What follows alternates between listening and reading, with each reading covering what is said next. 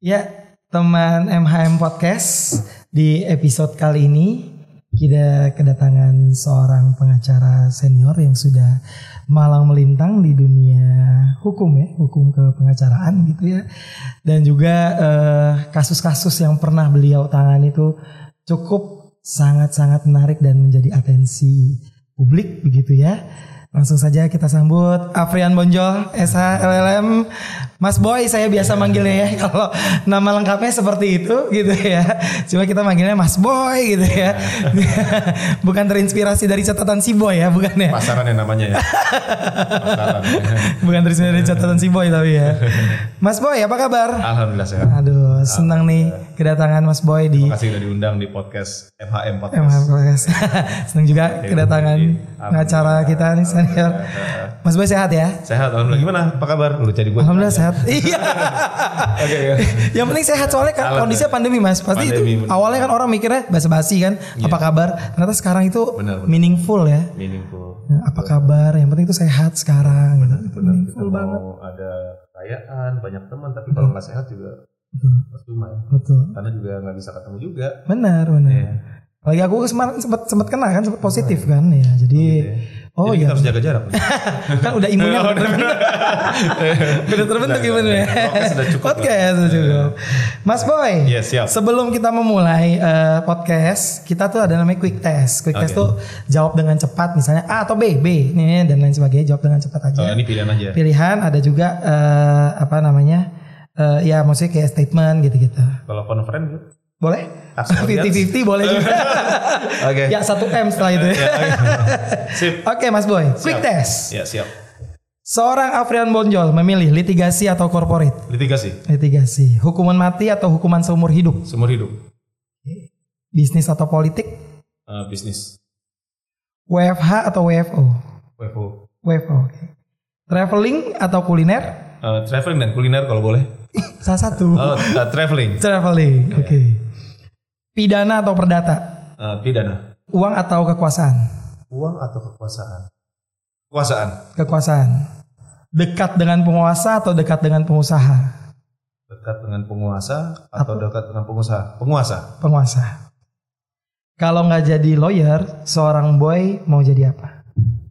Seperti tidak jadi politisi. Politisi. Politisi. Konsisten ya jawabannya ya. Harus. Politik, penguasa, dekat dengan Karena pengusaha. konsistensi itu yang penting di dunia. Benar, benar, benar, benar.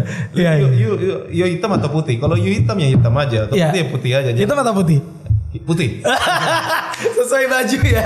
Sesuai Iya, iya. baju ya berarti ya. Oke. Mas Boy. Yes. Siap. Ceritain dong dari mulai eh, dulu kecilnya sampai misalnya kepikiran mau ngambil eh, hukum, Iya. berprofesi sebagai pengacara gitu kan. Karena kan yang saya tahu juga kan keluarga kan eh, accounting ya, maksudnya dari keluarga accounting. Iya, iya. Si adiknya juga kan saya kenal juga tuh Efrat kan. iya, iya. Efrat juga nggak hukum gitu. Maksudnya iya. atau ada melatar belakangi kalau apa Iya. om, tante atau apa atau Oke. nah, kita cerita dekat si- sekolahnya. Sekolah di SMA sama ya 36 kita ya. Iya, dulu sama-sama kita lulusan 36. Iya, iya, cuma beda tahun. 36 di Romangun. Iya, beda angkatan juga. Iya. Jadi kenapa masuk hukum? Karena nggak ada sebenarnya nggak ada keluarga ya di bidang hukum ya. Orang tua juga di auditor, penting ya di salah satu instansi pemerintah ya. Eh, om tante juga nggak ada yang bergerak Iya. di bidang hukum. Oh, oke. Jadi eh, baru kita sendiri nih Iya. eh, waktu awal-awal. Jadi, kenapa kita pilih hukum? Karena memang pada dasarnya dulu ketika pilihan di kan dulu di SMA ada pilihannya Iya. sos atau Iya, IPS, IPA, IPA, iya, iya, IPS gitu iya. atau bahasa Iya. ya. Nah kebetulan eh, kita bakatnya di ilmu-ilmu sosial. Oke. Jadi kayak antropologi, PPKN, sosiologi. Udah ngerasa tuh ya pas SMA tuh ya. Iya, iya. Jadi eh, eh, kan orang ada bakat ya. Iya. Dan kemudian eh, ketika konsultasi sama orang tua, orang tua bilang kamu berbakat di ilmu-ilmu sosial. Oke. Karena eh, saya lihat nilai-nilai raport kamu ilmu-ilmu sosial tuh tinggi-tinggi semua. Iya, iya, iya. 9, 8, 9. Jadi kayak PPKN, Iya, sosiologi, antropologi, Iya. itu tinggi-tinggi. Berbalik dengan hukum-hukum eksak ya, apa ya, matematika, Matematika, kimia, fisika. Iya, iya, iya. Dibilang iya. jelek enggak, dibilang bagus-bagus banget juga enggak. Iya. So di 6, 7 Iya, gitu iya, ya. iya, iya. Ya di situ. So jadi akhirnya masuk IPS. Oke. Nah, masuk di jurusan IPS dan dan ya karena di jurusan saya karena sesuai bakat Iya. ya kan dan kebetulan memang Jago ngomong juga nggak? dibilang jago ngomong sih nggak jago ngeles mungkin oh iya iya. Kayak pengacara peneliti ya. enggak dibilang jago ngomong juga enggak jadi ya itu kan dilatih ya Iya, iya, itu iya. bisa karena dilatih Iya. saya juga dulu as- aslinya sih pendiam ya katanya Oh iya. Oh iya. Ya, tapi ya karena dilatih iya, iya. Saya sih udah kenalnya udah jago ngomong. karena dilatih karena di di situ ya jadi ya, ya katanya sih seperti itu cuman sih biasa aja sih Iya. di jago ngomong juga enggak nah karena ilmu karena karena karena memang berbakat dan memang suka di ilmu ilmu sosial ya sudah eh, ketika pilihan eh, fakultas eh, ketika pilihan di universitas tentu kan konsultasi sama orang tua betul betul. Eh, Keterima nih gitu. Iya, eh, jadi eh, ya mau pilih apa nih sebelumnya nih? Ekonomi kah, Hmm. Eh, hukum kah, atau manajemen kah? Hmm. Terus orang kasih pendapat, orang udah eh, di hukum aja. Iya, Eh, karena satu juga kamu di situ sesuai dengan bakat kamu, ilmu sosial, terus nggak ada matematika, Hmm. nggak ada matematika, Iya, nggak ada, iya, gitu, iya, nggak ada. iya. Oh ya udah, gitu. Ya singkat cerita, pilihlah Fakultas Hukum Ah, UI dan Fakultas Hukum ada salah satu perguruan tinggi negeri di Ah. Bandung.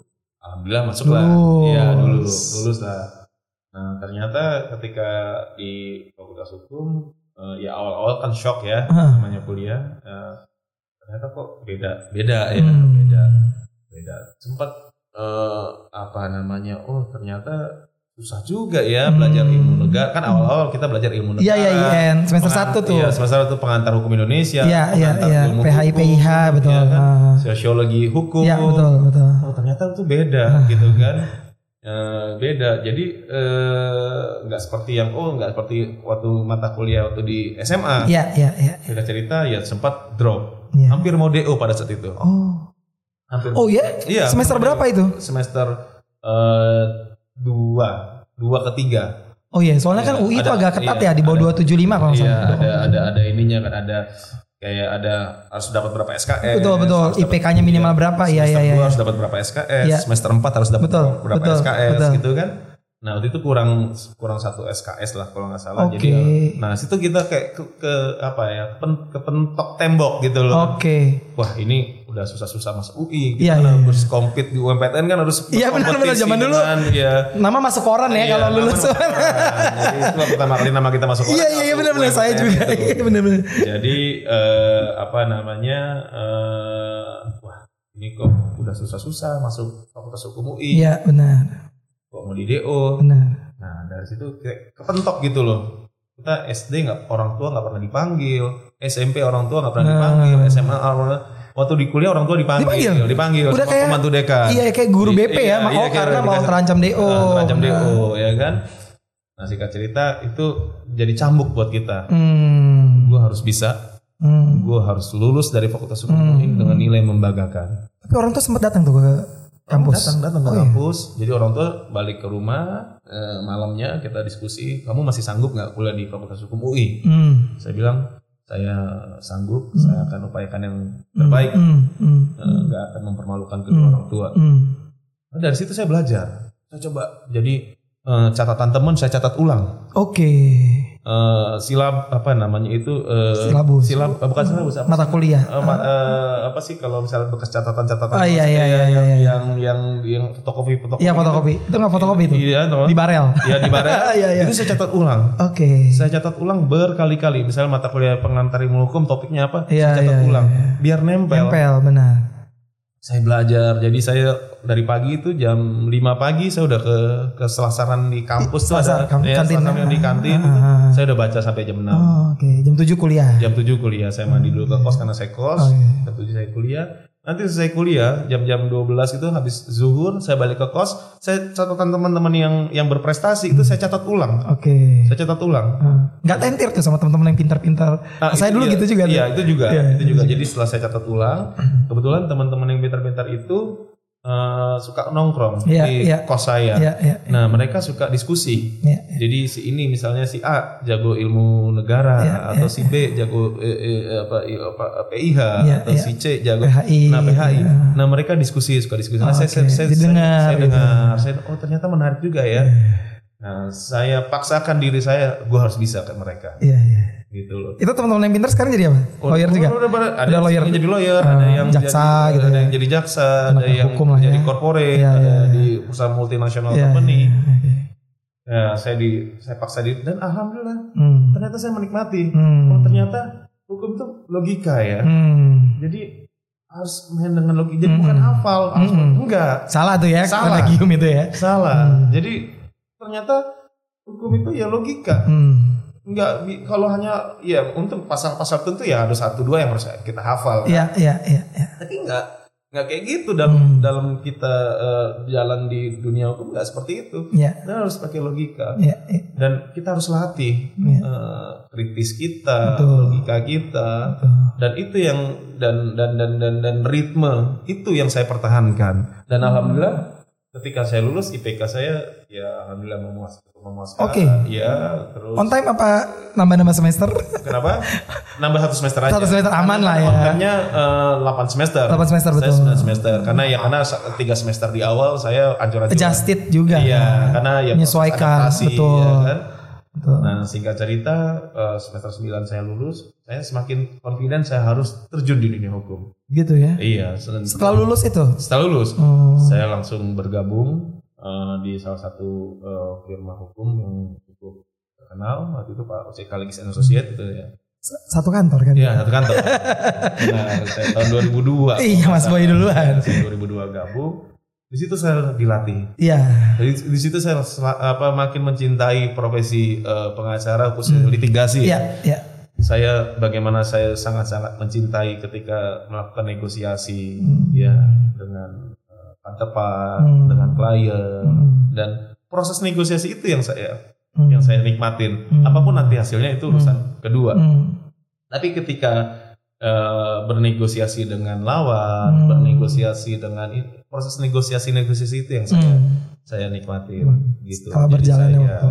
dan alhamdulillah saya eh, tahun 2002 itu saya juga dapat kartu izin pengacara. Dulu Hmm. masih pengacara praktek namanya, Oke. belum advokat. Iya, iya. Jadi pengacara praktek karena tahun 2003 lah baru keluar undang-undang advokat baru saya automatically dilantik jadi eh, Advokat, advokat. ya. Dulu Oke. masih pengacara praktek Iya, namanya iya, tahun 2002 usia 21 apa 20 Satu ya. lupa. Undang-undang waktu itu ya, waktu itu kan ada batas umum tapi Iya, batas umur. ya? Kok bisa lulus saya juga. Intinya ada jalan lah ya. Ini ya jalan ya, ya ini jadi buka-bukaan ya. Tahun 2003 saya jadi eh, advokat. Oke. Itu langsung masuk Pak Oce ya? Maksudnya I mean nggak pernah di tempat lain ya? enggak pernah karena saya Oke. memang eh, lulus dari fakultas hukum saya cuma satu niat saya mau jadi seorang litigator. Dari awal udah itu Dari ya? awal. Oke. Saya dari awal saya mau jadi seorang litigator. Hmm. Pilihannya cuma cuma dua itu pilihannya. Hmm. Masuk kantor Pak OCK Ligis Atau atau Adnan Buyung. Adnan Buyung ya? Ada Sama dua senior figur, ya, dua, fig- dua figur itu yang saya sangat-sangat eh, kagumi ya Iya, untuk iya, litigasi ya. Iya, iya, iya. iya. Eh, almarhum Adnan Buyung Iya. atau eh, Pak Profesor Oce. Dr. eh, OCK Ligis. Ah, ah. Dan alhamdulillah ada jalan saya Ada masuk ke jalan. OCK Ligis. Eh, ya sudah.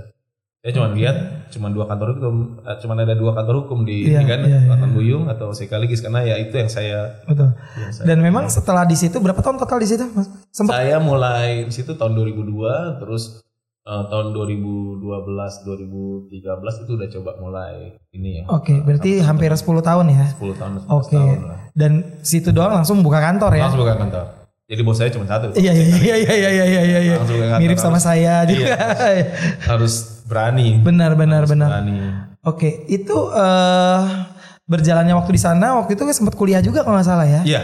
Jadi tahun 2004 begitu masuk Pak eh, Pak Ose, saya Dapat kartu segala macam. dapat kartu apa segala macam, saya memberanikan diri untuk eh, izin Pak Oce saya mau S2 lagi. Alhamdulillah Hmm. saya diterima di salah satu universitas di Australia di Hmm. Melbourne di Monash University. Majornya apa? Eh, Intellectual Property Oh, Law, IPR. IPR, tapi malah nggak kepake. Lebih corporate iya Lebih makanya baru saya mau iya. ngomong.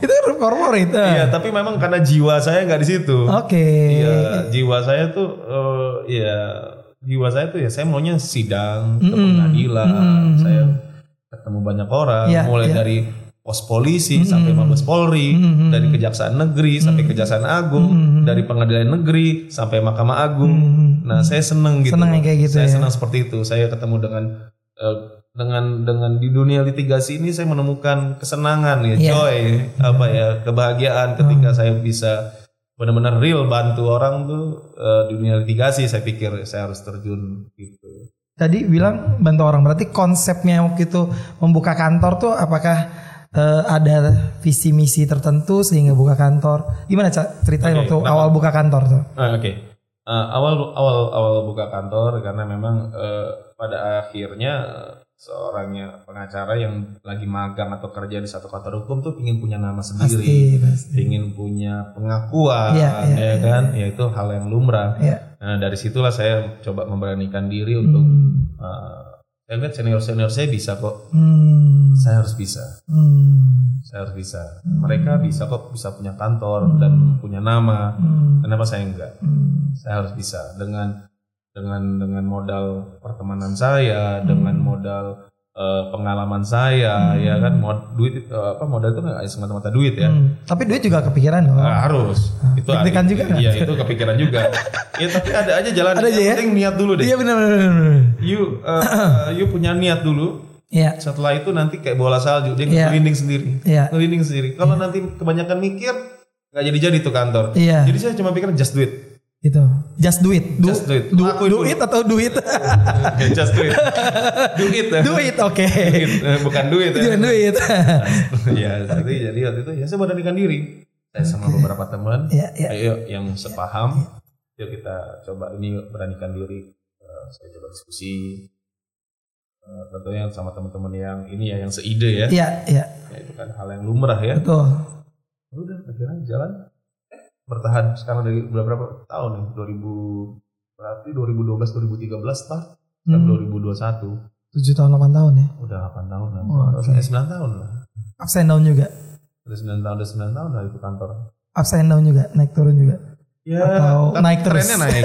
tapi selama tren naik ya tentunya, ini, tapi trennya naik. Trennya naik. Trennya naik. Pandemi gimana? Pusing-pusing juga atau nggak apa-apa aman aja gitu? Iya, pandemi ya karena semakin banyak orang yang susah bayar utang kan. Iya, ya. insolvency Itu ya. kan, Iya, itu kan ada potensi juga di Iya, iya. Iya. Oke, oke, oke, Iya, oke. iya. Jadi jadi kita ngelihat dari sisi baiknya aja, bright side-nya. Bright side-nya. Iya. Oke, iya. oke. Jadi kalau kita ngeliat memang pandemi semua orang, iya tapi kan masa kita mesti terperosok Iya. dalam satu kondisi oh enggak, harus kita meratapi kan enggak. Iya. Pasti ada di satu situasi pasti ada sisi yang bisa kita manfaatkan. Oke. Dan itu yang saya exercise.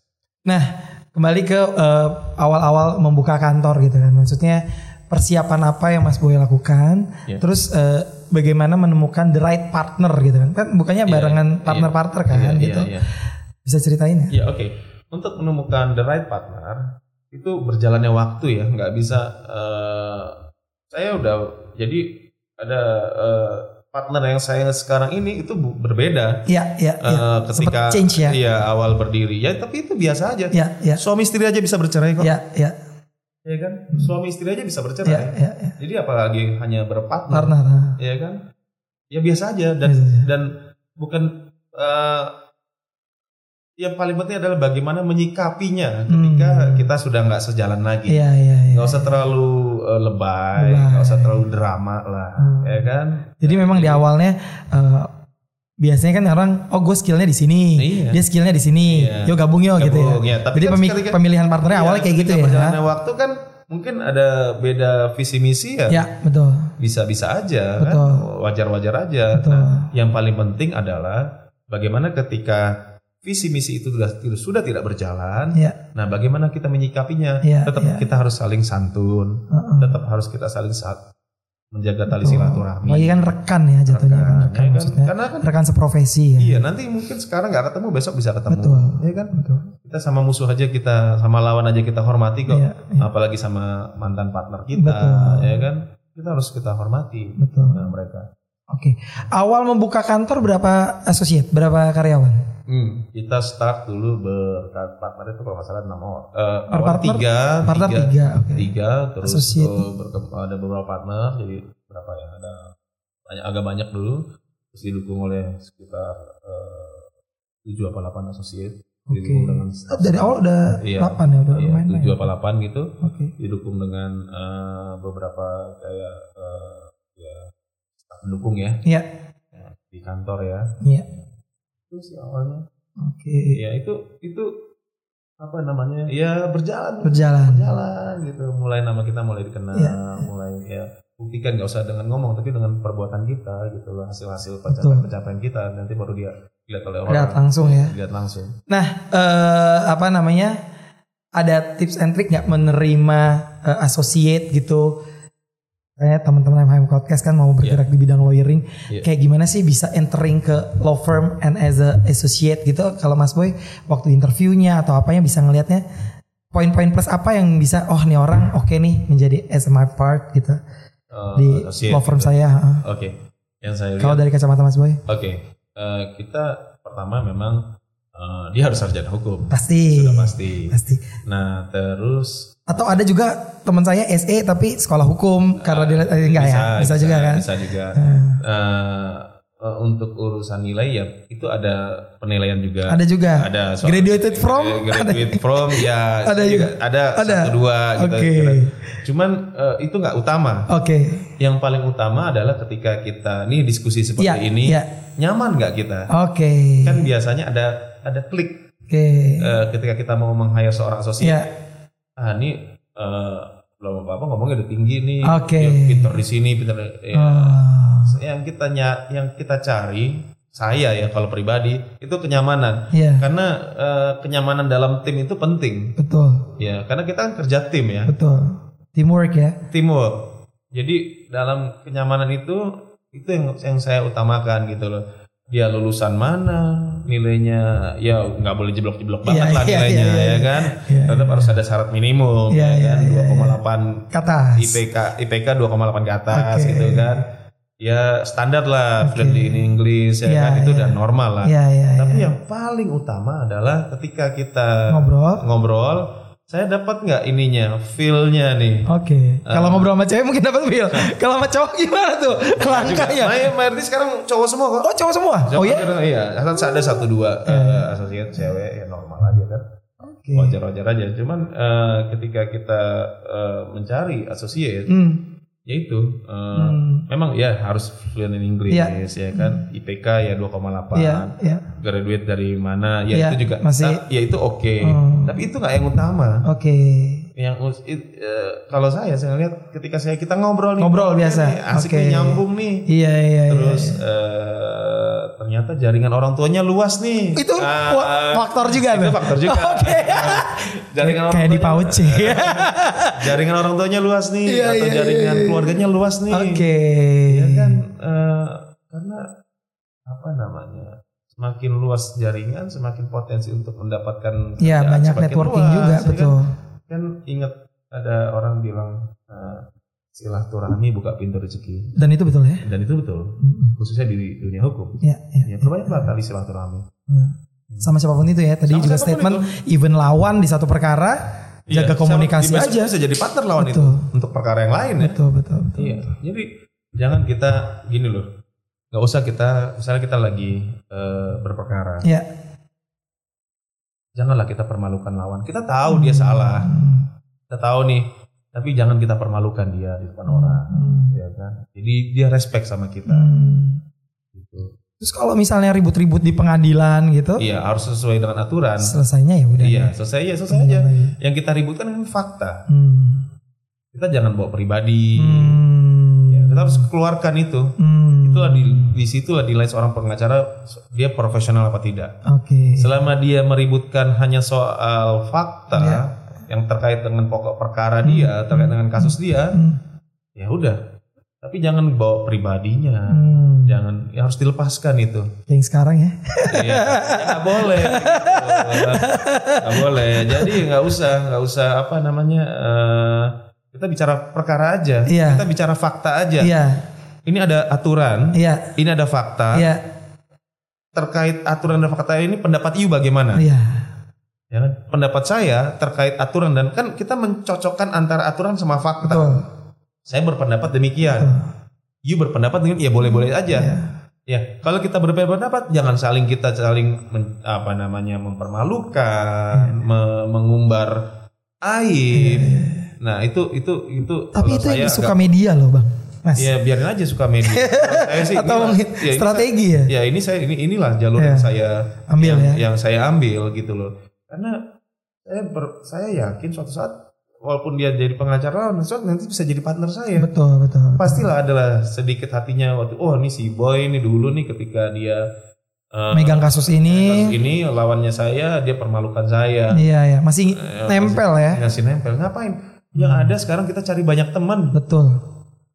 rangkul sebanyak-banyaknya. eh, Satu musuh teman. terlalu banyak, seribu kawan terlalu sedikit ya. Kita nggak tahu rezeki kita dari Iya, benar. Ya kan? Kita kan bukan bukan seorang pegawai negeri Iya. yang tiap bulan ada penghasilan, That's ya it. kan? Atau pegawai BUMN. misalnya. BUMN, ya kan? Atau pegawai BUMN Iya. yang setiap bulan sudah pasti, Iya, ya kan? Kita kan kita kan profesional, betul. ya kan? Nah, ketika kita turun di dunia profesional, ya kita harus perbanyak tali silaturahmi. Betul. Enggak, enggak bisa kita harus jatuhkan, permalukan dia. Betul. Enggak bisa gitu kalau menurut saya. Ya terserah sih banyak banyak pengacara, banyak cara ya Iya. dalam hal penyelesaian satu perkara. Kalau saya, saya lebih senang sudah nggak usah kita ke mana-mana. Apa sih yang mau dituju Ya. dalam penyelesaian perkara ini? Kalau terkait penegak hukum, kalau itu kan lawan-lawan pengacara ya di persidangan.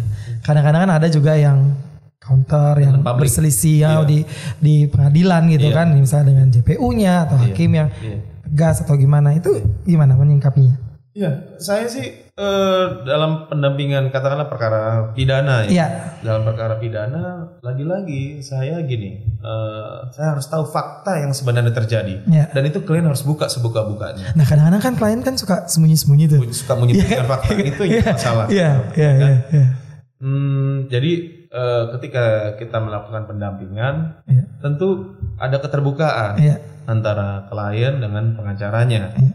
ya kan nah di situlah kita bisa eh, all out Betul.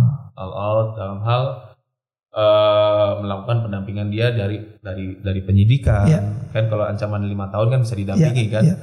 dari penyidikan ketika dia diperiksa sebagai tersangka Hmm. kemudian di eh, kemudian di persidangan sebagai terdakwa atau dalam hal terpidana kalau Iya. misalnya dia sudah men- lagi menjalani proses pidana nah kalau eh, dalam hal pidana ini dalam hal pendampingan perkara-perkara pidana ya ya lagi balik lagi ya eh, katakanlah lagi sidang Hmm. ya dengan jaksa ya kita tahu dia Hmm. itu kan dalam sebatas dia menjalankan profesi dia Hmm. Sebagai sebagai jaksa negara ya. ya kan ya nggak apa-apa dia punya pendapat itu Hmm. kita pun juga punya pendapat Hmm. karena karena kita juga sedang menjalankan profesi kita sebagai seorang eh, advokat Iya. ya kan nah jangan kita eh, istilahnya tipis telinga Hmm. atau cepat tersulut emosi Hmm. ya biasa aja Hmm. ya kan ya kita main fakta aja Hmm. Eh, aturan gimana sih Hmm. faktanya gimana sih Hmm. ya kalau katakanlah katakanlah memang apa yang dituduhkan itu benar Hmm. ya kita cari apa hal-hal yang meringankan Ya. ya kan kita coba gali dari sisi itu Iya. Eh, kenapa dia bisa melakukan itu nah Iya. kita gali lagi gitu loh Iya. Kenapa dia bisa melakukan itu apa reasonnya Iya. Iya. ya kan setelah itu kita cari alasannya meringankan Oke. nah itu semua nanti kita serahkan ke majelis hakim Iya. Itu tugas advokat ya gitu kita kan. harus advokat jangan nanti sedikit-sedikit jaksa ngomong apa kita langsung oh enggak ya Hmm. Ya, kayak gitu gitu Karena saya sering lihat tuh kayak gitu tuh. ya? Iya. advokat. Jadi kalau kita ya pertama memang dibutuhkan keterbukaan dari Iya. klien itu sendiri. Hmm. Setelah itu ya itu pinter itulah pinter Seninya seninya Iya, beracara cross di exam ya. iya, seninya beracara di pengadilan. Jadi cari kenapa sih dia bisa melakukan itu, Iya. ya kan? Atau karena sistem atau dia nggak tahu sebenarnya dia banyak di perkara-perkara korupsi Iya. misalnya dia dia nggak tahu nih karena ketidaktahuan dia dia jadi terjerat karena kepolosan dia dia jadi terikuti Kena. karena ada pasal 55 itu Iya, kan iya, bersama-sama turut itu serta. kan Iya, serta itu kan Iya, iya. karena kepolosan dia dia nggak ada sebenarnya niat jahat dia untuk melakukan itu Betul. mens rea dia nggak ada tapi ya ada aturan dia nggak tahu perbuatan dia itu sebenarnya melanggar ketentuan Betul. Apalagi dia nggak sekolah hukum misalnya Ya, gitu. hukum.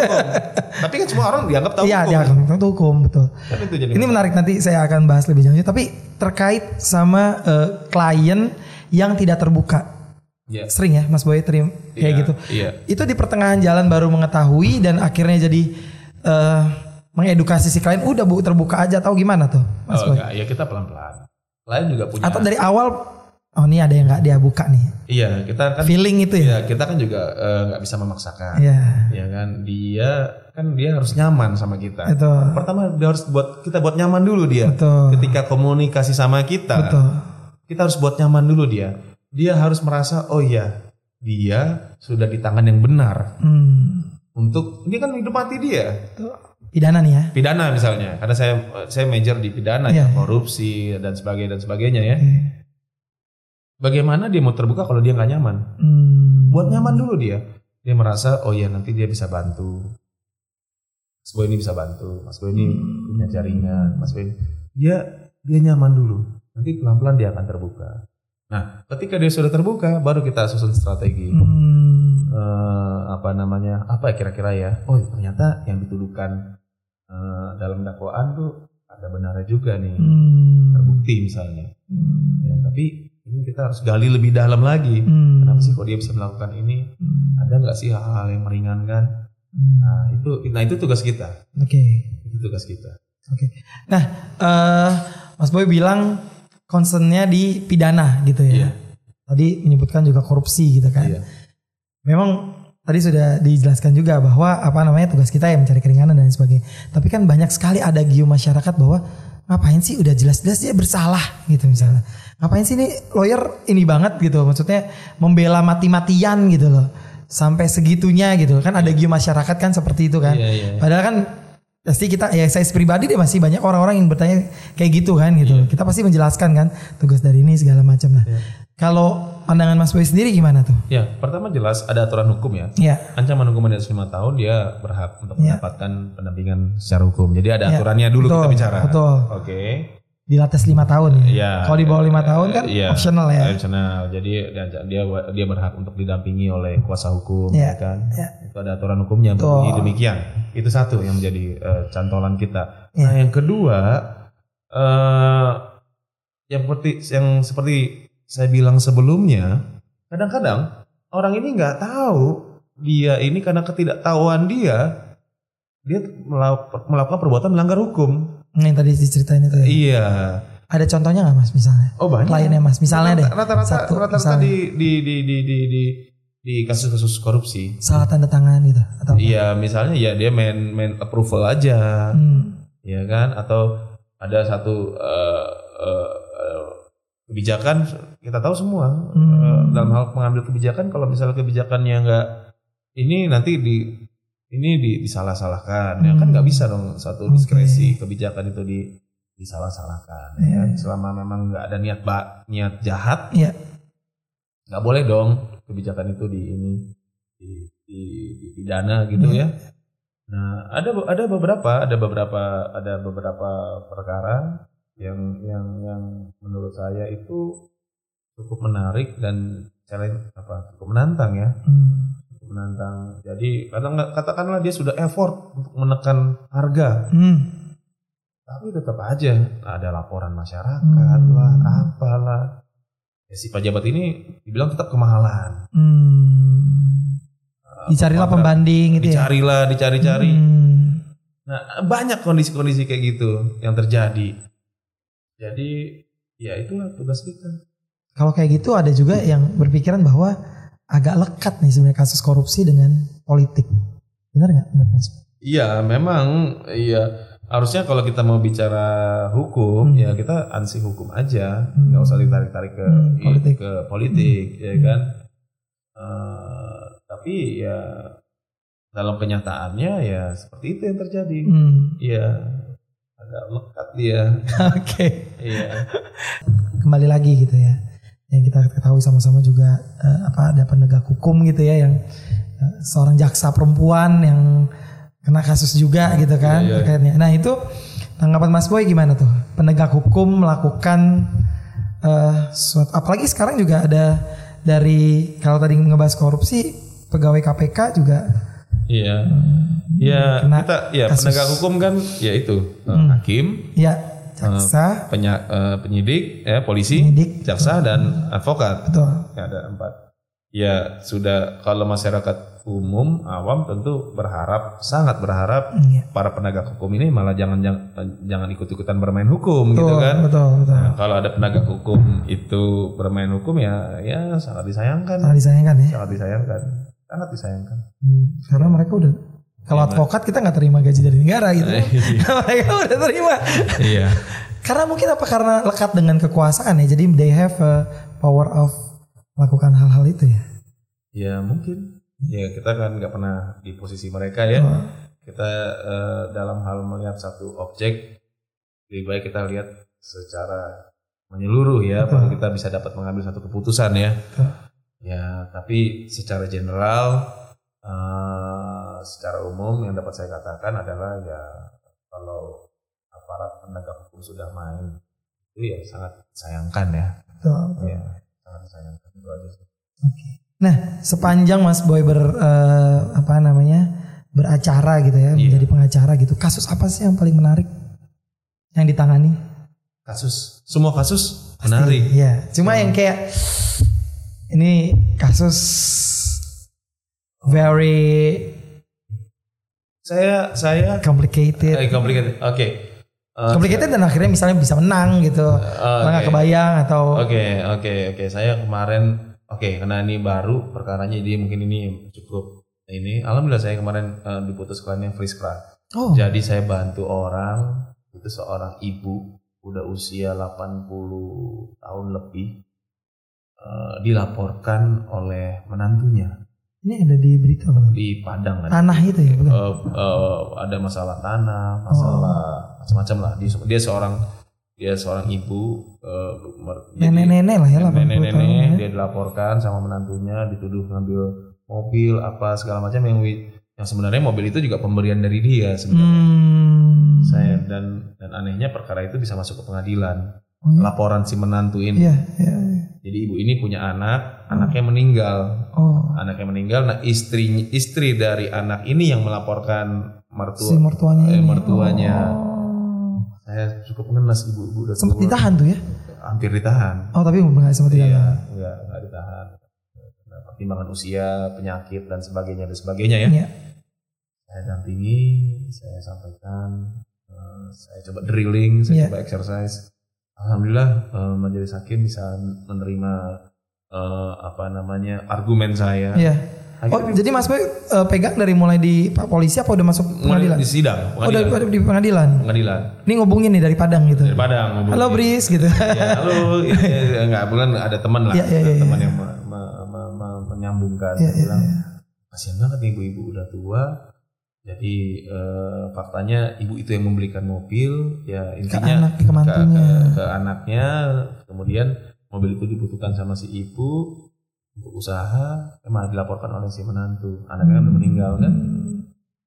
Akhirnya saya kasih argumen. Hmm, Tentu argumen saya bertentangan dengan argumennya jaksa pasti. dan argumennya poli penyidik kan.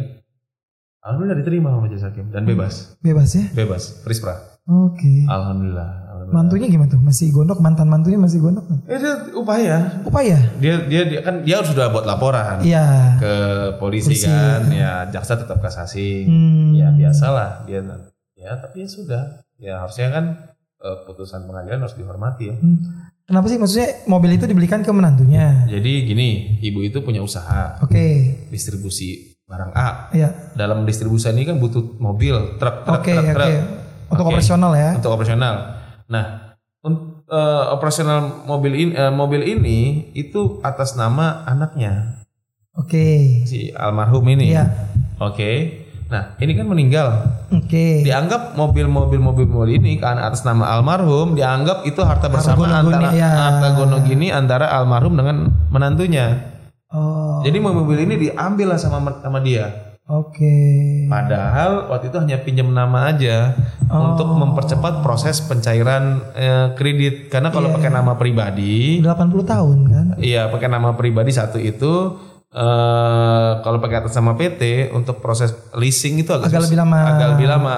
Nah, si ibu bilang ke anaknya, "Boleh nggak saya pakai nama kamu? Saya mau beli mobil nih. Hmm. Ada 10 mobil Hmm. supaya dalam hal pendistribusian gampang." Hmm. Ya udah pakailah. Oke. Nah, ya anggap karena mobil-mobil 10 10 biji ini eh, atas nama almarhum. 10? Oh, 10. Wih, Iya. pajaknya itu. Iya, dianggap sama si menantu mobil mereka. Oke. Tapi ada bukti pembayaran dari si nenek ini. Ada. Nah, Dia yang transfer gitu Dia kan? yang transfer, dia yang Itu yang bayar. meringankan. Nah, itulah seninya di situ kan. Iya, iya, benar, Iya. Mana bukti kalau ibu yang bayar? Oke. Nah, gitu. Kita buktikan pengadilan. Nah, terkait lagi nih kasus gitu ya, Yang baru korupsi yang sebelum, sebelumnya banyak. banyak, betul. Eh, korupsi gitu kan, Mas Boy juga tadi bilang bahwa apa namanya keluarganya kan dari accounting dari satu lembaga yang mengaudit dan lain sebagainya gitu ya. Iya. Korupsi itu kan bukan korupsi, kasus-kasus korupsi itu kan identik dengan audit dan lain sebagainya temuan eh, BPK, BPKP gitu ya. Iya. Nah, pernah nggak Mas Boy eh, nanganin satu perkara relate dengan lembaga tersebut yang saya sam- Iya ya. Terus- Sekarang kan eh, untuk dalam hal perhitungan kerugian negara harus BPK ya. Betul, Eh, saya suka diskusi sama bapak saya. betul, betul. Saya diskusi bisa berjam-jam Oke. eh, sama orang tua. Even kasusnya mirip-mirip, tapi Iya, pasti ini beda iya, ya, benang merahnya ya. Iya. Gimana sih dalam hal BPKP mengcapture permasalahan ini kok bisa ada timbul kerugian negara? Nah, itu. Bagaimana sih BPK dalam menilai melihat ini kok bisa timbul, kok bisa keluar?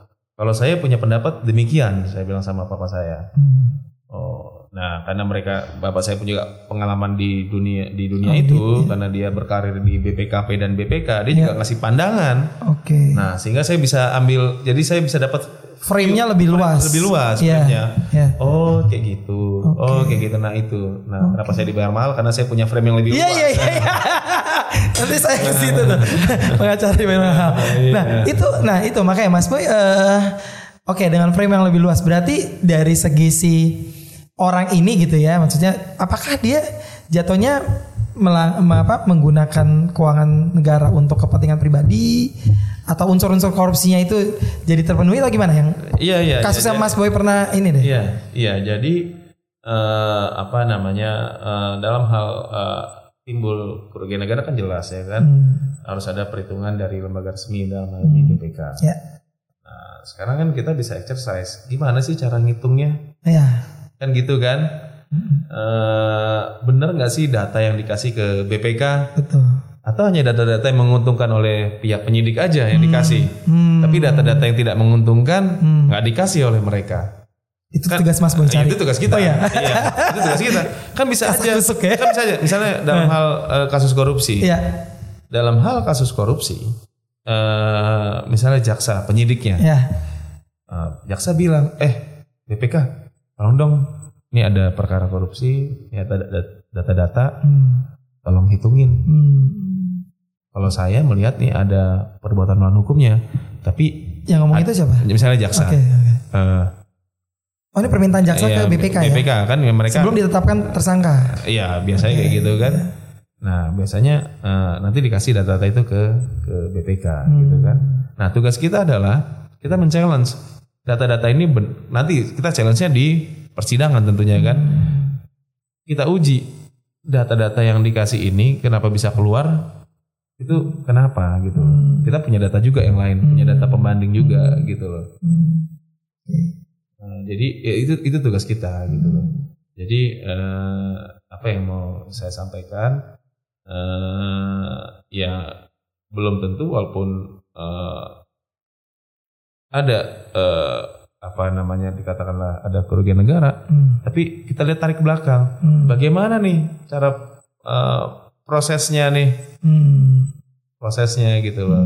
Kita punya data-data pembanding lain lagi nggak? Hmm. Itu Mas Boy siapkan ya data pembanding lain? Harus, harus, harus. Oke, kayak waktu itu SKRT itu juga tuh. Iya, jadi eh, jadi ya biar fair gitu loh. Hmm. Jadi nih, siapa tahu kalau misalnya dikasih ke BPK data pembanding kita mungkin hasilnya berbeda. Hmm. Dengan harga sekian, unit sekian gitu, Iya. menimbulkan Iya. kerugian negara nggak gitu ya? Iya. Oke oke. Dan di situlah challenge untuk eh, membuat Iya, si iya, klien jadi iya. sebenarnya BPK melihat gini, eh, ada nggak perbuatan melawan hukum dulu gitu, Iya. ada nggak aturan formil yang dilanggar, kan kayak gitu. Hmm. Nah, selama aturan formil, nah itu, itu itu memang jadi trik. Ya itulah pinter-pinter kita berargumen di pengadilan. Tapi kan mungkin juga ya temuan BPK tanpa eh, penyidik yang masukin eh, berkas untuk dicari ada juga kan? Ada, ada juga. Ya kan temuan Ada, BPK akhirnya iya. jadi dia Iya, jadi iya. tersangka dan lain bisa, sebagainya bisa gitu. ya. juga eh, ada temuan, kemudian temuan itu ya tetap ada temuan BPK juga harus tetap serahkan ke aparat penegak hukum. Ya bi- abi- eh, kalau ada temuan BPK yang saya tahu ya, yang saya tahu dia bisa serahkan ke Mabes Polri, Hmm. Polri atau ke KPK. kejaksaan atau ke KPK. Hmm. Jadi dia wajib meneruskan apabila ada temuan Hmm. BPK itu wajib meneruskan ke uh, Instansi tersebut. uh, tiga instansi itu kalau tak seingat saya ya. Iya, Jadi iya, ya iya. bisa ke KPK, bisa ke Kejaksaan. kejaksaan atau ke kepolisian Polisian. apabila ada temuan Baru dalam di- hal kerugian negara Baru diperiksa lah. baru situ. diperiksa oleh mereka. Begitu. Nah, baru ya setelah itu baru bergulir gitu kan. Oke. Nah, eh, apa namanya? Dengan proses berjalannya waktu, akhirnya disampaikanlah pembanding data segala Iya, macam. ya. akhirnya di proses persidangan. Oke. Eh, ini nggak bisa loh dikatakan kerugian negara. Orang ini aja sahamnya masih diperdagangkan misalnya. Oke. Nah, bagaimana nanti kalau eh, sahamnya nilainya naik? Ini saham ada kasus apa nih? Misalnya kasus eh, Asabri misalnya, Asabri. ya atau kasus yang lain-lain kan Oke. banyak ya, dana pensiun, ya Oke. kan? Eh, Oke, misalnya itu satu. Eh, bagaimana kalau eh, oke, ini ada kok bisa ditutupi dengan aset-aset yang lain, Iya, iya, iya. ya kan? Ini bagaimana gitu kan? Mas Boy, kalau misalnya gitu ya, apa namanya? eh, ini masih seru banget sih kalau ngomongin korupsi ya. Dan Mas Boy juga majornya pidana dan korupsi. Belakangan ini kita ketahui bahwa eh, ya mungkin juga di berita udah ada lah ya, jadi memang podcast bisa bahas. Wakil Ketua DPR lagi diperiksa Iya. terkait mengenalkan. Mengenalkan. Itu mengenalkan aja itu bisa termasuk unsur-unsur Iya. pidana korupsi nggak sih Mas Boy? Ya, Gimana enggak, nih? Kalau saya lihat gini, sebelum kita menjauh ke situ, Hmm. yang harus dibuktikan oleh eh, penyelidik, Hmm. ya penyelidik ya, kan ada penyelidik, ada penyidik. Hmm. Hmm. Ada nggak niat jahat bersama-sama Hmm, mens reanya. eh, ben- mens reanya Iya. itu dengan tindakan dia? Iya. Eh, misalnya eh, saya nih, Eru datang, ya udah datang ayo kumpul kumpul. Iya. Kita nggak tahu nih, Iya. ya harus dibuktikan, harus dibuktikan dulu minimal dua alat bukti Betul. antara niat jahat si yang bersangkutan dengan perbuatan dia ada nggak dapat dibuktikan nggak? Hmm. Itu dia, makanya menarik juga ya, Ya, maksudnya. selama selama nggak bisa dibuktikan ya, ya jangan di trial by the press. Hmm. Soalnya kan mengenalkan itu ya. Iya. Konteksnya mungkin iya, acara atau ya, apa. Kita serahkan ke KPK. Hmm. Bisa nggak dia buktikan? Hmm. Bisa nggak dia buktikan eh, apa namanya? eh, apakah ada niat jahat dari yang bersangkutan Hmm. dengan tindakan nyata Hmm. dia Hmm. dalam hal mengenalkan atau ya kita nggak tahu hanya mungkin datang rumahnya kita nggak tahu Kalau mungkin mengatur, masuk nggak tuh di korupsi?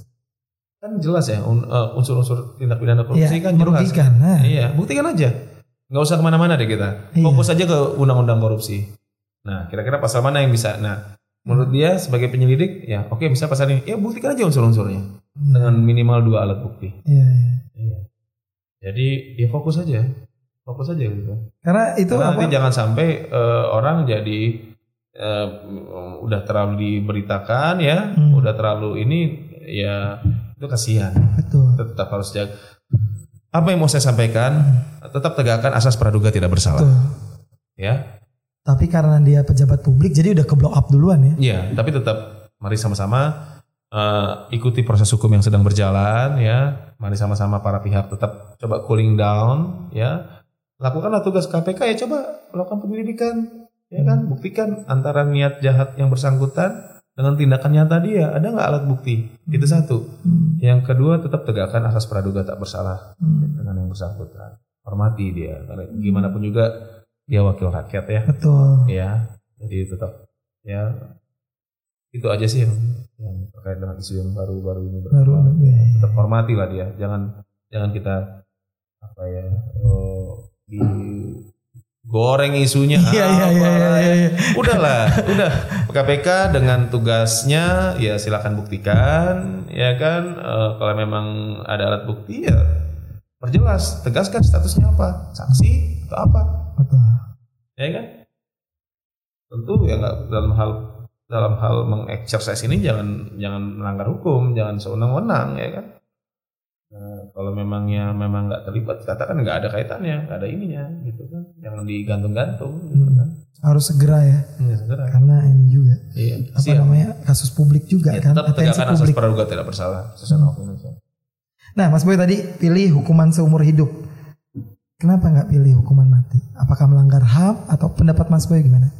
iya kenapa nggak eh, hukuman mati ya Hmm. kalau saya ini yang berhak berhak untuk mencabut nyawa seseorang itu Pencipta. yang pencipta itu aja sih Hmm. ya se Sebejatnya se- dia, ini ya, se- sekasusnya di parah se- banget gitu. ya. se- kasusnya udah seumur hidup Oke. seumur hidup Jadi alasannya yang berhak mencabut itu sang Iya. pencipta. iya Bukan karena terkait pelanggaran HAM atau ada alasan-alasan lain gitu nggak setuju. kalau kasus korupsi mati. ya Oke. ya seumur hidup Tapi belum ada kasus korupsi hukuman mati ya? Seumur hidup doang kan? seumur hidup seumur hidup Mati ya seumur hidup. seumur hidup korupsi Mati biasanya narkoba ya, gem- mati narkoba ya mati narkoba terus kasus-kasus pembunuhan Pembunuhan. pembunuhan ya atau kasus-kasus pelanggaran ham berat Iya. Itu tetap setujunya hukuman seumur hidup. nah itu Meskipun balik, dia udah membunuh lagi orang misalnya gitu. iya itu balik lagi ya Nyawa Kalau- dibalas nyawa misalnya. ya kalau itu kan korupsi seumur hidup Iya. tapi kan tadi pilihannya nggak tahu kasus Iya. korupsi atau kasus apa Kalau kasus-kasus Nah, kasus-kasus itu pelanggaran ham berat ya ya Hmm. ya mungkin ya nggak melanggar HAM tuh ya. Iya nggak melanggar ham lah. Ya, makanya harus ditempatkan untuk Portionnya masing-masing. masing-masing. Kalau untuk kasus korupsi ya seumur hidup lah Oke. kalau saya. Tapi kalau untuk kasus-kasus pelanggaran ham berat kita udah jelas-jelas tahu eh, ada genosida misalnya. Iya, dia iya. tahu dia dia yang nyuruh. Iya. Ya wajar kalau dihukum mati. Dia tahu gitu ya bahwa sebenarnya apa namanya eh Keputusan dia untuk melakukan pembunuhan untuk- massal ini. Eh, eh, pembunuhan massal ini terjadi karena keputusan dia gitu loh. Oke. Ya wajar lah kalau dia dihukum mati. Nah, tadi Mas Boy bilang bahwa untuk itu saya dibayar mahal dan ada ada gium masyarakat orang-orang malah masuk fakultas hukum Enggak. mau jadi pengacara mau kayak ini kayak itu gitu kan ya. Iya. Kayak, kayak teman-teman yang fakultas kan mungkin masih ada beberapa yang mahasiswa misalnya fakultas hukum. Nah, itu eh bener gak sih ada gium lawyer tuh banyak duit? Eh, gini gini, duit itu itu eh, akibat aja ya. Eh, pertama you harus cintai eh, Pekerjaannya dulu ya. pekerjaannya dulu. Kayak Mas Boy cerita dari semester 3 tuh udah Iya. oke gue udah mau jadi seorang. Iya, nanti itu dengan Pengacara. sendirinya, Iya. dengan you bisa membuktikan profesionalisme, dengan you bisa membuktikan eh, apa ya eh, apa ya hasil yang maksimal ya. Iya. Dan itu dilihat oleh masyarakat itu nanti dengan sendirinya kok datang. Hmm. Karena banyak orang puas kan Hmm. dengan kinerja kita, dengan Hmm. profesionalisme kita. Itu da- nanti dengan sendirinya kok. Bagaimana bisa membuat klien satisfied dengan kinerja Mas Boy dan kantor? Tips and triknya lah. Oke, tentu kita harus jaga kepercayaan klien. Hmm. Apa sih? It's all about trust ya. Ya satu itu. Kedua apa sih harapan mereka dalam kan masing-masing kan klien ini kasusnya ini, klien ini kasusnya ini, klien ini kasusnya ini. Iya, iya, iya. Kan masing-masing kasus klien Beda-beda. masing-masing kasus punya harap- harapan, yang berbeda-beda. Betul. Kan gitu kan? Hmm. Iya, kita berharap bisa bisa me, harapan dia bisa kita jadi nyata gitu. Hmm. Misalnya, aduh, gue salah sih, tapi boleh nggak hukuman eh, ya kalau bisa minimum lah. Hmm. Nah, oh gitu. Oh gitu, ada yang kayak gitu ada, ya? Ada, ya. Saya gua- salah nih iya, emang, Kayak, gitu. ya, kayak, kayak memang ini. Kan kita harus buka. Betul. Oh, oh, cakrawala berpikir, eh Betul. Enggak, you sebenarnya you salah. Hmm. Ada ada bukan you ada ketentuannya you langgar. Iya. Nah, kita harus kita harus ngomong seperti itu gitu kan. Nah, oh gitu, oh gitu. Nah, kita harus didik juga mereka. Oke deh kalau kayak gitu bisa nggak saya ya udahlah saya sudah menyesal bisa nggak saya menjalani dengan minimum tuntutan minimum Hmm. ini saya udah Oke, tapi ada aset yang disita ya. Hmm. Ada pengembalian kerugian negara ya. Hmm. Ya, kayak gitu-gitulah. Hmm. Nah, apa namanya dan kalian merasa terbantu Hmm. ya kan oke misalnya eh, dengan apa profesionalisme kita Hmm. dengan kinerja kita Hmm. ya berharap sesuai dengan ekspekta apa harapan mereka lah Hmm. minimal tidak-tidaknya bisa me- misalnya kan namanya kasus korupsi kan ancamannya ngeri 20 Hmm. tahun Iya iya iya iya iya. nah itu kan ngeri kan Ngeri. ya itu kita bilang oke kita bisa coba dengan minimum tapi you bantu kita coba bantu kita dengan fakta-fakta lain Gitu ya. kalau dia udah diputus eh, misalnya Sekian dijauh tahun. di sekian tahun gitu dijauh di bawah nah itu mereka mereka biasanya Udah satisfied ya, ya. satisfied Jadi ya tetap profesional menjaga. Nah, eh, tang, apa namanya? Menurut Mas Boy nih, banyak klien kan kadang-kadang dari konsultasi awal aja bisa nggak nih menang kasus ini? Bisa nggak nih menang? Iya. Itu menanggapinya kayak gitu gimana tuh Mas Boy? iya eh, Kode etik kita kan juga nggak iya, bisa iya, menjanjikan iya, kan? iya iya Eh, dalam hal ini eh, kita kan nggak bisa menjanjikan dia Betul, ini betul. cuman kita bilang kita ada peluang Gitu ya. memenangkan Eh, lihat dari fakta ini fakta ini fakta ini kita ada peluang nih Gitu. biasanya itu sengketa bisnis ya Oh. ya sengketa utang piutang eh, atau proses PKPU ini Iya. ya kan Nah kalau ujungnya ternyata kalah tuh Mas Boy gimana? Iya. Oh dulu ngomongnya bisa ada gitu. Gimana tuh? Iya, Men- ini? iya kadang-kadang kan kita berencana, Iya. tapi kan Iya. tetap eh, ada dinamika Betul. dalam proses dalam proses pendampingan klien ini kan, misalnya eh, hakimnya diganti, Iya iya. iya kan? Force mayor nggak tuh? Iya, Tiba-tiba lagi enak-enak hakimnya diganti, Iya iya iya iya. ketua iya. majelisnya lagi Iya diganti, pindah tugas misalnya Iya, kan? misalnya pindah tugas, Heeh. aduh, Aduh. Iya kan? aduh, Aduh iya iya iya. iya. lemes dia langsung. Nah, bagaimana kita menyikapi dinamika-dinamika itu? Gitu. Iya iya iya. iya. Kita kan udah berencana, oke, ini udah, oke, misalnya eh, kita sudah, oke, eh, udah damai sama si ini, udah damai sama si ini, tapi ini masih gonggong-gonggong terus gitu Iya kan? iya iya iya. Ya, itulah dinam- seninya di situ kan. Iya iya. Katakan misalnya eh, kasus pidana yang simpel aja, Iya. Eh, penipuan penggelapan misalnya, kita lagi dilaporkan. Hmm. udah bantu bicara sama penyidiknya Hmm. gitu kan dalam proses pendampingan Hmm. eh tiba-tiba penyidik yang kita sudah kasih Hmm. bukan apa ya kasih masuk eh, kasih masukan Udah sering ya. tektokan lah. Iya udah sering komunikasi udah sepaham gitu lah oke dia nggak melakukan penipuan penggelapan loh Hmm. eh tiba-tiba penyidiknya dipindah Hmm. gitu kan Kadang-kadang yang di lapangan kayak gitu ya. Iya, nah. Jadi kadang-kadang ya kita harus mulai lagi menjelaskan lagi, ya kan? Gini loh, sebenarnya klien kita seperti ini yang terjadi. Iya iya iya iya. itu ya tugas-tugas tugas-tugas saya pengacara lah, Iya iya. menjelaskan me- me- dari sisi yang berbeda. Oke. Pasti penyidik punya udah satu eh, berangkat dari ini udah pasti salah nih, karena dia dapat informasi yang mungkin aja yang Nggak full. nggak full dari pelapor. Mm-mm. Nah, tugas- Satu sisi doang kan. Iya, tugas kita adalah me- kasih full fakta yang terjadi gitu loh. Mm-mm. Oke, kita tanya, Pak penyidik, apa sih yang Bapak tahu terkait perkara ini? Mm. Mungkin ada yang kurang. Hmm. Yang kurang nanti saya bisa sampaikan. Mm. Jadi Bapak bisa menilai Mm. secara, Secara utuh, utuh. melihat perkara ini se- secara utuh, Iya, iya. frame yang utuh. Nah, nanti dari situ Bapak bisa putuskan. Bisa nggak perkara ini lanjut terus apa tidak? Oke. Gitu. Iya iya iya iya iya iya iya.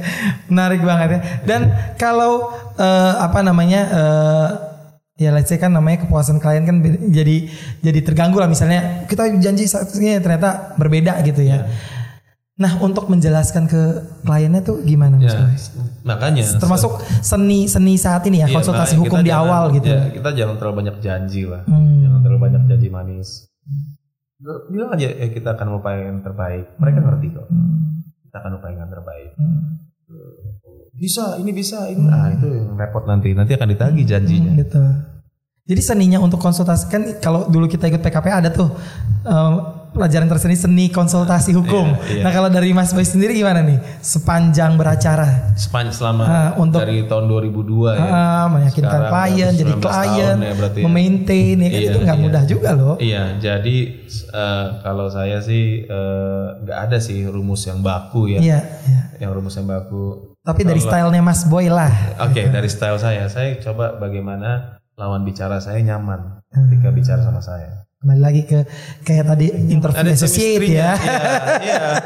Nyaman itu penting loh. Iya, iya, iya, Nyaman iya. itu kita eh, nanti kebangun sendiri dengan sendiri chemistry-nya. Iya iya. Jadi iya. walaupun nanti ternyata dia tetap dihukum, tapi dia oke memang dia saya ngerasa memang saya salah sih. Hmm. Nah tapi karena kita sudah chemistry-nya sudah nyambung, ya kimianya udah nyambung ya tuh udah nggak apa-apa, udah oke kok, you, you udah oke, you, you, you, you udah melakukan best effort yang terbaik di dunia you sebagai pengacara saya misalnya. Oke. Dia tetap sen- sendirinya. Apalagi kalau kita bisa bikin bebas, oh tambah seneng dia.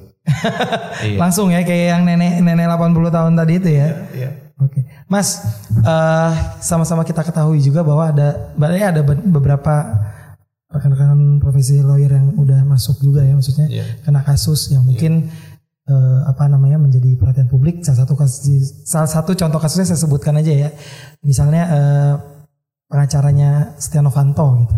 Iya. Nah, itu kan dia bener-bener ba- sebagaimanapun melindungi klien gitu. nah, iya. itu Mas Boy gimana? Oke, terkait dalam pendampingan klien, tentu kan kita ada aturan main ya. Ya. Nah, kita main di situ aja. Jangan kita melanggar itu. Ya, Karena memang bisa jadi kena gitu bisa ya. jadi kena. Jadi ada kode etik, ada aturan main. Junjung tinggi ada- semua lah itu ya. Iya, kita kita kita main aja di situ. Hmm. Jangan keluar dari frame itu. Hmm. Jangan keluar dari wilayah itu. Jangan offside. Hmm. Iya kan? Itu offside tuh menurut Mas Boy. Eh, Iya, iya kan pengadilan yang bilang. Iya sih. Eh, bukan saya yang bilang. Benar benar iya, benar benar. pengadilan yang bilang, bukan saya Benar yang benar bilang. benar benar Iya kan? benar benar benar. Iya. Ya, jadi ya kita bermain aja di ranah itu, Iya. di ranah aturan itu. Oke. Kan kita semua juga tahu kan, ah, dianggap semua tahu, tahu hukum kan. Tahu hukum. Nah, tadi kan berat-berat nih contoh-contoh kasusnya. Kan Mas Boy berapa kali juga pegang kasus-kasus artis nih. Ya, Nah, itu eh, banyak yang bilang juga kalau mau cepat dapat nama pegang public figure gitu Aduh. misalnya. Bener gak sih Mas Boy? Atau setelah pegang public figure honornya naik enggak, karena kan Gimana, gini, gimana? balik lagi kita kan harus bersilaturahmi dengan siapa aja. Siapa aja yang tadi ya, kembali Ya, lagi ya. Dengan pengusaha, pintu rezeki, betul. dengan politisi, dengan pekerja seni, Iya. ya kan, dengan akademisi, Iya, ya kan. Ya dari situlah kita dapat eh, kerjaan dari Betul, mereka-mereka betul, itu betul, kan. Dari politisi ya mungkin dia terjerat kasus korupsi, Iya, iya, atau dari akademisi, atau dari pengusaha, ya kan, atau dari budayawan, Iya. atau dari pekerja seni, bisa penyanyi, pemain film. Ya masalah jadi terkenal atau enggak itu itu itu akibat aja Oke. itu akibat aja karena kebetulan dia lagi eh, dia artis atau dia pekerja seni ya dia diliput ya nama kita jadi keliput juga ya itu hanya implikasi aja dari Dari profesi yang sudah dari- dijalani ya. dari profesi yang sedang saat ini kita Iya, jalani iya, tapi bukan eh, popularitas yang saya kejar Betul. enggak karena kebetulan aja yang saya pegang Public itu figure. public figure ya mau nggak mau suka tidak suka ya eh, jadi disorot kita Iya, iya, padahal yang kita lihat adalah kasusnya kan pendampingan Betul. dia kan Betul. Jadi nggak memilah-milah ya. Nggak memilah-milah. Siapa pun itu termasuk Iya. nenek 80 tahun tadi juga. Iya. Sampai terbang ke Padang ya. sampai terbang ke Padang iya kan jadi karena kebetulan dia public figure aja ya jadi ikutan disorot kita ya itu akibat aja iya tapi yang kita lihat adalah kasusnya balik lagi ke kasus yang kita lihat apa sih perkara sebenarnya yang terjadi misalnya dituduh penyebaran pornografi atau dituduh penggelapan atau penipuan biasanya kan seputar seputar itu kan ya. Ya, jadi kasus yang kita lihat Oke. Nah, kalau public figure ada juga banyak yang terkait misalnya kasus-kasus narkoba. Mas Boy lebih pilih apa namanya eh, di apa namanya di karantina seperti apa? Apa sih namanya kalau eh, pengguna narkoba tuh di ya kayak gitu kan di, Oh, di ini dari rehabilitasi rehabilitasi Iya. atau di hukuman penjara. Iya, kalau kalau pengguna Hmm. saya karena kalau saya melihat ya pengguna ini adalah eh, apa ya pasien ya. Hmm. penyakit apa namanya namanya penyakit ya harus disembuhkan. Hmm. so harus direhab. Rehab ya. rehab. Rehab. Nah lain kalau pengedar ya. Pengedar? Ya pengedar. Hukuman mati setuju Iya, pengedar. pengedar iyalah. Oh iya iya iya, merusak bangsa ya. Iya, pengedar iyalah. Tapi kalau pengguna saran saya harus ada terobosan ya, terobosan supaya nggak penuh nih. Betul, banyak banget ya. Lapas, lembaga pemasyarakatan, Keluar rutan. masuk, karena keluar kan masuk. hampir 80% isinya pengguna narkoba. Oh ya, Iya, ada datanya itu. banyak. Ada bisa dicek ke Kementerian Hukum dan HAM. dalam 80 persen 80% itu pengguna narkoba di Jawa atau all Indonesia. di Indonesia. Datanya oke. tuh seperti itu karena mayoritas penghuni lembaga pemasyarakatan atau rumah tanah negara, rumah rutan ini Iya, Rutan. ya itu 70 itu pengguna narkoba. Nah, kalau ada satu aturan, saya nggak tahu lah ini pemerintah ya punya kerjaan. Ya, misalnya pengguna direhabilitasi atau ah, gimana? Semakin berkurang ya. Ya, berkurang. Ya, Dan kewajiban kalau- negara kan juga iya, kasih makan, jadi tahanan memang dilema ya. kurang. Dilema memang masalah narkoba ini masalah bangsa ya, Mm-mm. masalah kita semua. Stop narkoba. Stop narkoba. Jangan coba-coba. jangan coba-coba. Even coba aja jangan ya. Jangan coba-coba. Jangan, Iya. teman MHM Jangan podcast. coba-coba. Iya.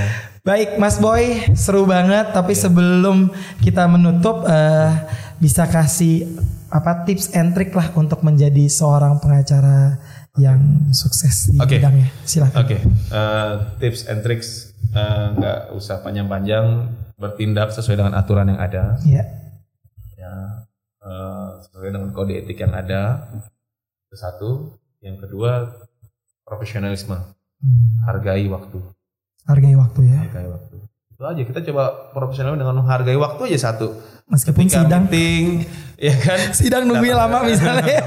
ya itu aja sih. Ya, gitu. Dan Meeting on time dan lain meeting on sebagainya. time. Ya hal-hal dari hal-hal simpel aja deh. Betul. Bagaimana kita berpakaian, Ya. ya kan? Outlook ya. Outlook itu penting, penampilan Penting ya? dijaga. Oke. Bagaimana cara kita berbicara, Iya. ya kan itu harus Iya. dijaga. Oke. Saya ngasih tips and trick itu yang langsung yang simple tapi memang itulah yang, Iya. Yang sehari-hari. yang sehari-hari.